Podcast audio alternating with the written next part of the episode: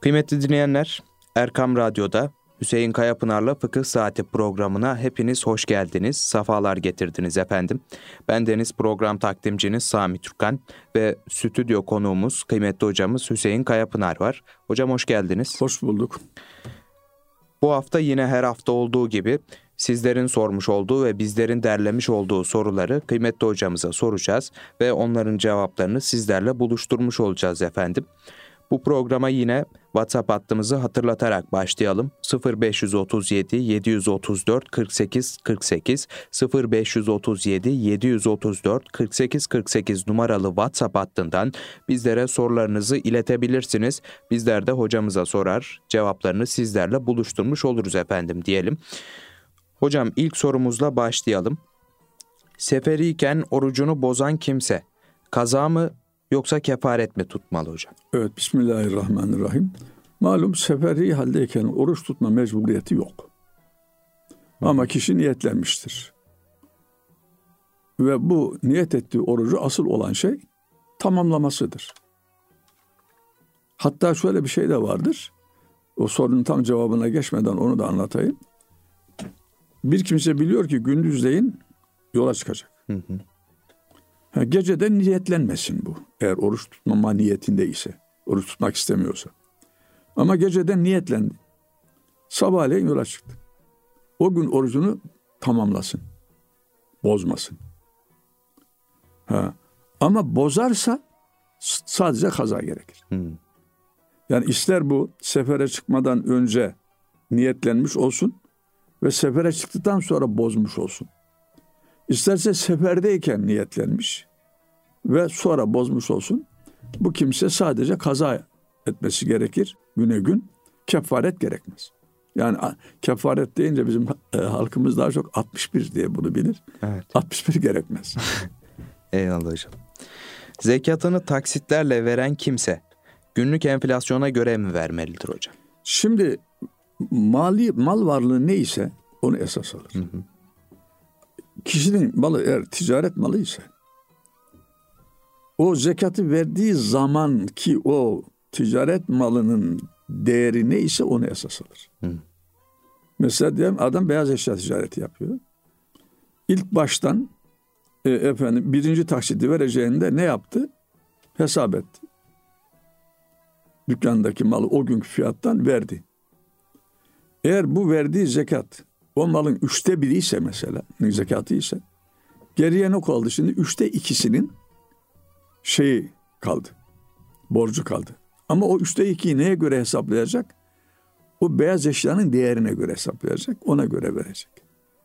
Ama eğer mesela altınsa altına göre zaten o problem değil o. Yani adamın diyor 150 gram altını var. 50 gramın üçte birini verdi. Sonra tekrar verirken 50 gram mesela 2 3 taksit yapacaksın. Hı hı. İlk taksitte 50 gramın karşılığını verdi. İkinci taksitte 50 gram artının kırkta birini verecek. Hı. Ve onun değerini verecek. Üçüncü taksitte yine 50 gram altını kalmıştı. Onun değerini verecek. Dövizde de aynı. Ama eğer olay TL olarak ise o zaman paranın değer kaybını dikkate almalı. Çünkü nasıl ki insanlara olan borcunda vadesinde ödenmeyen borcun daha sonra ödenmesi durumunda e, o değer kaybını tazmin ediyorsa Allah'a karşı olan borç ki Allah'a karşı olan borç da fakire yönelik olan borç olmuş olur. Evet. E, onda da yani TL üzerinden TL'si varsa onun üzerinden veriyorsa o enflasyon kaybını dikkate almalı. Eyvallah hocam. Zekat yükümlüsü bir kimse zekatını veremeden fakir düşerse ne yapmalıdır hocam? Eğer malının tamamı telef olmuş ise, yok olmuş ise yapacağı bir şey yok Hanefi mezhebine göre. Hı. Ama daha sonra tekrar mal sahibi olursa o zaman durum değişir. Orada farklı görüşler var. Yani sonradan mal sahibi olduğu zaman o e, malın üzerinden bir sene geçince mi zekat verir yoksa öncekini de öncelik mi verir? Orada ihtilaf var ama daha çok e, her fakir düştü bir daha hiç mal sahibi olmadı zekat düştü. Hı. Ama malın tamamı değil de bir kısmı telef oldu zekatını ödeyecek. Peki malı tamamen telef oldu e, ve 10 sene sonra tekrar mal kazandı. 10 sene öncekinin bir cezası şey, zekatını verecek. Yoksa yeni kazandığını mı yeni kazandığını verecek. Hanefi mezhebi böyle diyor. Tabi bunun sebebi var. Yani bu mezhepler arasında görüş ayrılığı var da sebebi şu. Zekat farz olur olmaz vermek mecburiyetinde miyiz? Ki buna fıkıhta fevri midir derler. Hı hı. Yoksa daha sonra da verebilir miyiz? Ona da terahi derler. Hanefi mezhebine göre terahidir zekatın farziyeti. Yani zekat farz olur olmaz hemen vermek mecburiyeti yoktur. Daha sonra da verebilir. Onun için daha sonraya bıraktığından dolayı günahkar olmaz. Ve malı telef olursa zekatı düşer. Ama diğer mezheplerde öyle değil. Onlarda zekat farz olur olmaz verilmesi gerekir. Dolayısıyla da o borç düşmez. Eyvallah hocam. Haram yoldan kazanılan malın zekatı verilir mi hocam? Haram yoldan kazanılan malın tamamı fakire verilmesi lazım. Yani onun tamamı verilmesi lazım. Zekatı değil. Onun zekatı yok. Olmaz. Evet. Ama o haram yolla mal kazanan kişi o maldan yararlanamaz, istifade edemez. Onu fakirlere vermesi lazım tümüyle. Çünkü şöyle bir kural vardır. Sebilül e, malil habis et tasadduk.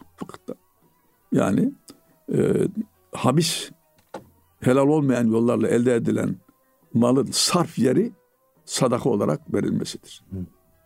Eyvallah hocam. Ticari bir mala sahip kişinin aynı zamanda borcu varsa zekat verilebilir mi hocam? Şimdi onu e, şöyle kendisine zekat verilir mi? Herhalde öyle anlaşılıyor hı hı. burada. Borcu ile malı arasındaki şeye bakarız. Yani elindeki maldan borç düştükten sonra geriye kalan nisaba ulaşmıyorsa zekat verilebilir kendisine. Ama borç düştükten sonra tabii bu borçtan maksat hangi borç? Bir sene içerisinde ödenecek olan borç. Bir sene. Mesela uzun vadeli ise adam ne yapıyor? TOKİ'den ev alıyor. Evet. 20 sene vade. Ee, ama ne kadar borçlanmış? Yüz, yüz binlerce lira borçlanmış. E şimdi bu adam 20 sene boyunca fakir sayılmaz. Borçlu diye. Bir sene içerisinde ne ödeyecek? 50 bin lira. Hı hı. Ha, elindeki varlığı kaç lira? Malı 250 bin lira. 50 bin lirasını düştük ne kaldı geriye? 200 bin lira. Ha bu zengin. Hı hı. Buna zekat verilmez. Ama diyelim ki borcu var. Elinde de 150 e, bin lira parası var.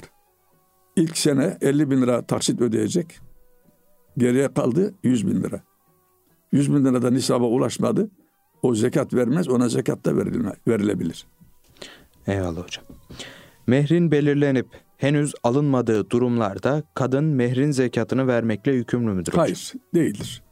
O ne zaman o mehri vermekle, zekatını vermekle yükümlü? Mehri alır hı hı. ve üzerinden bir sene geçer ve mehrin miktarı da nisabı aşarsa zekat verir. Değilse e, kocasından alacağı olan mehrin zekatını vermek zorunda değildir. Farz değildir o. Eyvallah. Mehir olarak hac veya umre ibadeti istenebilir mi hocam? Şimdi bu konu biraz e, tartışmalı bir konu. Niye tartışmalı? Genel ilke olarak mehir olarak olan, olarak verilecek şey onun mal olması lazım. Hı hı. Mal. Yani Hanefi mezhebinin görüşü bu mal olması lazım. E, menfaat mehir olmaz. Ama Peygamber Efendimiz zamanında bazı özel durumlarda bazı özel kişilere e, mehir olarak menfaati şey yapmış. Mesela şöyle bir şey oluyor. Birisine bir kadını nikahlayacaklar. Soruyor. Mehir olarak vereceğin bir şey var mı? Adam yok. Şu yok bu yok. Peki Kur'an'da ezberledi aklında olan Kur'an-ı Kerim'den sure var mı? Var. Ne var? Mesela Fatiha suresi var. Ona Fatiha suresini öğret diyor mehir olarak hmm. o kadın. Böyle bir olay yaşanıyor. Ama hep peygamberimiz işte şuyun var mı buyun var mı diye soruyor. Ve işte mehrin asgarisi 10 dirhem gümüştür falan var. Yani genel ilke olarak menfaat şey mehir olmaz. Menfaat. Fakat haç veya umre burada kişi e, mehir olarak bunu kabul ettiğinde veya kadın mehir olarak bunu istediğinde neyi istemiş oluyor aslında? Umre'ye gidecek kadar para. Hı hı. Hacca gidip gelmeyeceği kadar para. İşi bu yönden bakarsak caiz olur. Yani ben e, mehir olarak bir umre istiyorum, hac istiyorum dedi kişi. E burada herhalde Beni sen işte sırtına yükleyip alıp götüreceksin değil. Benim masrafımı karşılayacaksın demektir. O bir bakıma mala varıyor. E, bu şekilde düşündüğü zaman olabilir. Hocam peki bu mehir konusunda e, sonra ödenecek mehirde mehri muacceldi değil mi? Yok sonra ödenecek olan mehri müeccel. He, müeccel. E, bu mehri müeccelde zaman belirtmek gerekiyor mu yoksa Şart. gücüm yettiği zaman? Şart değil. Hiç Gibi. konuşulmayabilir de. Hmm. Yani o zaman hiç söylenmeyebilir de. Şimdi burada şart mehri muaccelde yani peşin ödemedi. Hı hı. O vadeli olanda herhangi bir zaman sınırlaması şart değil. Ama sınırlarsa ona uymak lazım tabii. Eyvallah hocam. Mehir bedeli evlenmeden önce belirlenmemişse ne yapılmalıdır hocam? Evlendikten sonra karşılıklı rıza ile belirleyebilirler. Eğer belirlemezlerse kendi aralarında karı koca veya diyelim anlaşamazlarsa o takdirde şey olur. Mehri misil dediğimiz mehir ödenir ki o da e, kadının e, baba tarafından olan akrabası kadınların kendi durumunda olan kadınların aldığı mehirdir. Mesela diyelim ki ablası daha önce evlenmiş. Hı hı. Yaş olarak aynı yaşlarda evlendikleri zaman. Sosyal statü olarak aynı. İşte güzellik, çirkinlik onlar da tabii devreye girebiliyor. Aynı durumda olan kişi ne kadar mehir almış? 100 lira. E bu daha önce mehri konuşmamış olan kadına da 100 lira mehir Hı. verilir. Yani ona mehri misil denilir. Yani emsalinin aldığı mehir. Eşin durumuna da bakmak gerekiyor mu burada kocanın? Yok. O şimdi nafakada var o da mehirde yok. Yani mesela ablasının evlendiği koca e, profesör ama bu devlet Yok. memuru. Yok. O, o erkeğin durumu dikkate alınmaz. Eyvallah hocam. Kadının durumu dikkate alınır ama. Evet. Mesela şimdi diyelim ki e, kadında evlenilecek kadında aranılan özellikler var. Hı hı. E, birisinde o özelliklerin tamamı var. Birisinde ikisi var, üçü yok misal. Ya o zaman o mehri misil o ikisi var, üçü yok dediğimizin bir kadının aldığı mehir olur. Yoksa o e, evlenirken arzu edilen o beş kalemin hepsinin e, sahip olanın aldığı mehir değil. Ya şunun için sordum hocam. Yani bir profesörün mal varlığıyla... Yok yok. Yani burada kocanın vazifesi şu veya bu olma değil. Karısını zengin etme değil. Hı hı. Kocanın vazifesi karısının nafakasını temin etme. Bunu nafakayı temin edecek durumda ise e, mesele yok. Eyvallah hocam. Ha tabii şu olur yani kefaet dediğimiz yani denklik konusunda erkekte bazı o kızın statüsüne göre erkeğin bazı şeylere sahip olması aranır. Ama bu şart değildir. Ee, bu bazı durumlarda nikahın feshine sebep olabilecek şey olur. Kriter olur. Eyvallah hocam. Kadının nafile ibadet yaparken eşinden izin alması gerekir mi hocam? Şimdi bir defa e, illa bir kimse her e, yapacağı ibadette kocasından izin alması gerekir diye bir şey olmaz, zordur. Hı hı. Ancak koca karısının nafile ibadet yapmasına engel olabilir. Tabi bu nafile ibadet deyince Ramaz şey nafile oruçtur bu. Nafile haçtır. Yoksa e, bazı namazlar içinde söz konusu olabilir tabi. E, ama daha çok bunlardır. Koca diyelim ki karısı nafile oruç tutmuş. Koca bunu şey yapabilir, bozdurabilir. Veya kadın diyor ki ben bugün oruç tutacağım. Hayır tutma ben istemiyorum bugün tutmanı diyebilir. Yani kocanın bunlara yetkisi var. Eyvallah hocam. Bir mal üzerine pazarlık yapıldıktan sonra satış akdi yapılırken fiyat artırılabilir mi hocam? Şimdi e, bu e, alım satım işlerinde hıyar meclis veya hıyar kabul diye bir tabir var. Hı hı. Ne demek o? Şimdi ben sana şu elimdeki şeyi satıyorum. Kalemi diyelim. Pazarlık yapıyoruz. Diyorum ki ben bu kalem 10 lira. Hı hı. Sen de diyorsun ki ya 10 lira. 10 lira çok. 7 lira olsun. Hayır 7 lira olmaz. Dedim ama sen kabul etmedin. Ben vazgeçebilirim şimdi. Hı hı. Bu bir. İki, sen dedin ki ya 10 lira çok ben 8 lira vereyim dedin sen. Ben eee, daha cevap vermeden almaktan vazgeçtim diyebilirsin.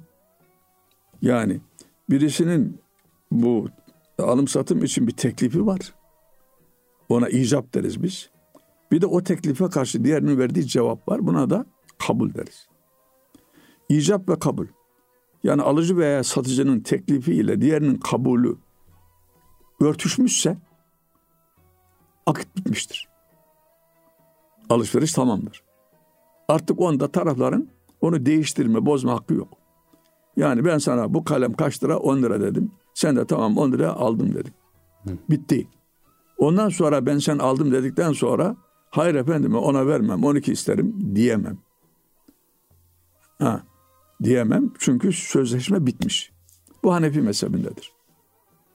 Ama Şafii mezhebinde öyle değil. Şafii mezhebinde e, ikimiz bu odada kaldığımız sürece sen veya ben söylediğimiz sözden vazgeçebiliriz. Hmm.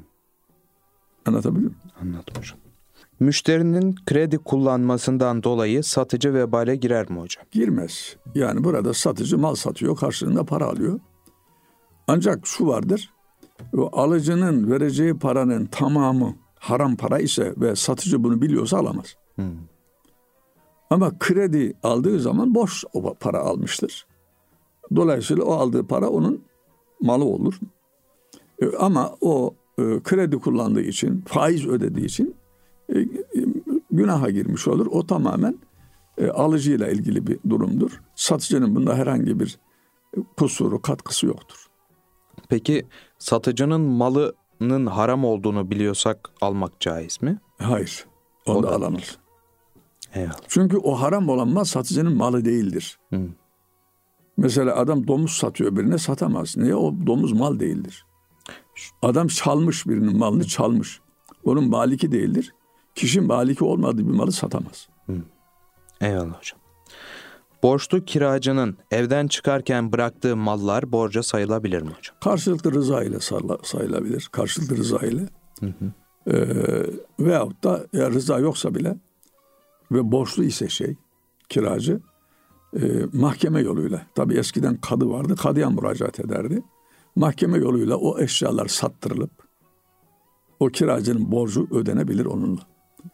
Ama karşılıklı rıza olmadan veya mahkeme borcu olmadan ev sahibi o kiracının mallarını satıp da parasını kendisi tahsil edemez. Ha vermeyebilir, borcunu öde ondan sonra malları götür diyebilir ama onu satıp da paraya tahvil edemez. Bu Anadolu'da şu da yapılıyor hocam. Ee, bir iş veriliyor. Mesela ben evimin boyasını verdim ustaya. Usta yarım bıraktı gitti. Burada iskelesine el koyulma gibi şeyler ol, olabiliyor. Ee, burada durum nedir? O, o durum biraz daha farklı. Yani orada adam yarısında vazgeçmiş. Hı hı. E, iskeletine va, şey el koyma değil de tabi anlaştıkları fiyatın o yapılmayan kısmını vermeyerek e, şey yapılan kısmını karşılığını alır ki şey işçi. Eyvallah hocam. İlaç kullanarak düşük yapmak caiz midir hocam? Düşük yapmak caiz değilse bu düşüğü nasıl yaparsan yap caiz değildir. İster bunu ilaç kullanarak, ister kürtaj yoluyla hı hı. fark etmez. Ha, burada önemli olan şey bu. O ana rahmindeki o bebeğin ceninin alınması caiz mi değil mi? Peki ne zaman caiz olur? Ananın hayatı söz konusu ise caiz. Hmm.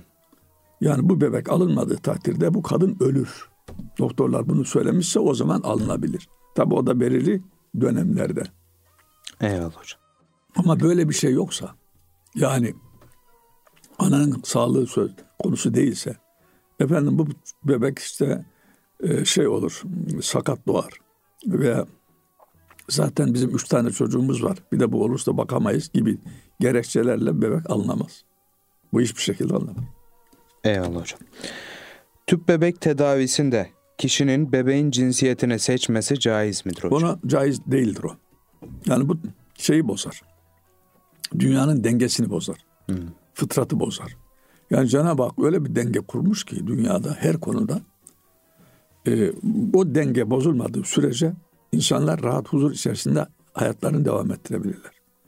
Mesela şu anda Türkiye'de kadın ve erkek sayısı baktığımız zaman erkek sayısı kadından sadece 100 bin fazlaymış. Hmm. Yani 83, 84 milyon nüfustan 100 bin. Ama eğer bu bu insanlar tüp bebek usulüyle dünyaya gelselerdi ve cinsiyet seçselerdi belki de o 85 milyonun 70 milyonu erkek olacak. İnsanlarda böyle bir şey var yani kimisi kız ister kimisi erkek ister. Evet. Onu ayarlamaya çalışırdı. O yüzden bu caiz denilemez buna çünkü bu fıtratı değiştirir. Ve düşün ki e, Türkiye dünyadaki veya ülkedeki erkek sayısı kadınların iki katı olursa hı hı. veya kadın sayısı erkeklerin iki sayısı katı olursa ne olur ortalık? Evet. Allah'ın koyduğu bir şey var, kanun var. E, bir denge var. O dengeye dokunmamak lazım. Dokunulduğu zaman işte dünya bu hale geliyor. Mevsimler şaşıyor. Yağmur yağıyor, sel oluyor. Yağmur yağmıyor, kuraklık oluyor. Bu neden oluyor? Bu işte bu denge bozulduğu için. Örgü bebek yapmak ve satmak Ondan caiz bir sakınca olmaz. O, yani niye bebekle ilgili bu şey var? Tabii putçuluk vardı eskiden. Hmm. Bunlar biraz işte putlarda belli şekillerdi. Onlara mı benzer? De bunlar değil. Ne tapınma amacı var, ne var, şu var, ne bu var. Bir de çok yaygın. E onda bir sakınca olmaz. Eyvallah. Mevtanın altın dişine defnedilmesi caiz midir hocam? E, mal telef edilmiş olur. Yani mal. Hı hı. Altın bir maldır, bir değerdir. O telef edilmiş olur. Bir. ikincisi de o mevtanın, o cenazenin e, altın dişiyle defnedilmesini bilen kişiler o kabri açıp onun dişini almak isteyebilirler falan. Yani böyle olumsuzluklar olur. Evet. E, buna meydan vermemek için e, defnedilmeden e, çıkartılması mümkünse çıkartılması yerinde olur elbette. Eyvallah hocam. Ama öyle gömüldü. Günaha mı girildi? Hayır. Hı. Hayır. Eyvallah hocam. Umre ibadeti vekalet yoluyla yapılabilir mi hocam? Şimdi e, bizim üç çeşit ibadetimiz var. Bir, bedeni ibadetler var. İki, mali ibadetler var. Üç, hem bedeni hem de mali ibadet var. Üç çeşit. Hı hı. Bedeni ibadetler namaz, oruç. Bunlar bedeni ibadettir. Bunlarda vekalet olmaz. Yani veya bunlarda icare ücret olmaz. Sen benim yerime şu namazı kılıver hadi. Olmaz. Ben sana şu kadar para vereyim benim orucu tutuver. Olmaz. Bu bir. İki mali ibadetler var. Zekat gibi, sadaka gibi. Bunlarda da hem e, kişi kendi verebilir hem vekalet yoluyla verebilir. Yani benim zekat borcum var. Sana derim ki benim al şu parayı uygun gördüğüm fakirlere ver. Zekat niyetiyle. Olabilir ve kendim de verebilirim. Bir de hem bedeni hem de mali olan ibadetler. Bunun da en güzel örneği haçtır. Hı. Ve bu ibadeti, vekaletin geçerli olması için asıl olan kişinin kendisinin hac etmesinin mümkün olmaması gerekir. Hac farz olmuş ama gidemiyor. Hı hı. Ha, o zaman vekalet olur bir. Veya ölmüş olan birisi vardır. Vasiyet etmiştir. Hac etmesini balından. Onun yerine hacca gidilebilir. Veya adam ölmüştür baba. Evladı onun yerine hacca gitmiştir gidebilir. Ama bu farz olan ibadettir. Umre farz değildir. Sünnettir. Bu sünnet ibadetlerde vekalet pek söz konusu olmaz. Hmm. Ha, peki ne olur? Kişi kendi niyetiyle umreyi yapar. Ee, sevabını bağışlar kime bağışlayacaksa. Ama haçta olabilir bu. Vekalet olabilir haçta. Peki ikinci haçta olabilir mi? Kişi birinci haccını yapmış, ikinci haccı için başka birini vekalet yoluyla gönderiyor. Ya, o da nafile oluyor, olmaz o da. Hmm. Eyvallah hocam. Bir konu hakkında farklı fetvalar alan kimse hangi fetvaya göre amel etmelidir hocam? Şimdi burada eğer gönlü bir tarafa yatıyorsa hı hı. o gönlünün yattığını esas almalı. Şimdi Peygamber Efendimizin bu konuda bir hadisi var. Diyor ki İstefti kalbek ve in eftake müftike. Yani senin müftün sana fetva vermiş olsa bile hı hı. sen kalbine danış. Hı. Eğer kalbi birisine yatıyorsa ama kolay olduğu için falan değil. Bu daha sağlam görünüyor. Ve bu İslam ruhuna daha uygun. Bu kanaatte varsa ona uyar. Eğer böyle bir kanaat yoksa ve avamdan birisi ise hı hı. herhangi birini alabilir. Eyvallah hocam. Ormanlık alanlardan odun kesmek ve toplamak caiz midir hocam? Devlet yasakladıysa ceza verir. Hı hı. Ama devletin böyle bir yasağı yoksa olabilir. Şimdi bazı mallar tüm milletin ortak malıdır. Bunlara mubah mal denilir. Hı hı. Hatta Peygamber Efendimizin bir hadisi var. Üç mal var ki diyor, üç şey var ki insanlar onda ortaktırlar. Nedir o? Su, ot, ateş. Ot beradaki otu dolma. Odun da ot gibi kabul edilir. Ve o mübah malı kim keser, kim efendim istifler, kim onu evine getirirse o onundur.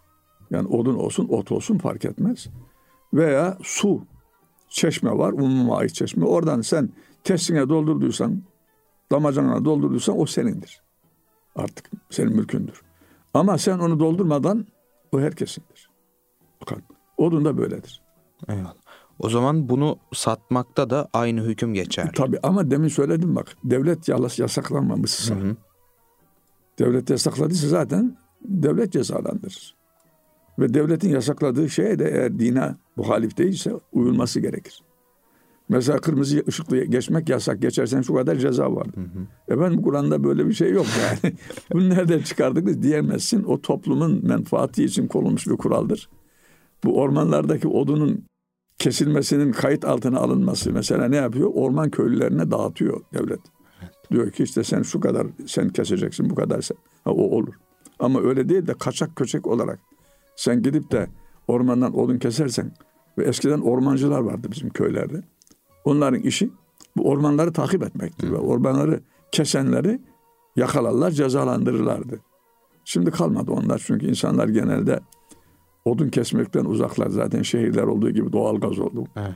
Sonra işte o doğal gaz olmayan yerlerde kömürler oldu vesaire. Ee, o kalmadı fazla ama devlet yasak koyduysa onu yapamaz. Eyvallah hocam. Hocam vaktimizin sonuna geldik. Biz teşekkür ediyoruz cevaplarınız için. Evet. Kıymetli dinleyenler, Erkam Radyo'da Hüseyin Kayapınar'la Fıkıh Saati programında birlikteydik efendim. Bir sonraki programda görüşünceye dek hoşça kalın. Allah'a emanet olun efendim.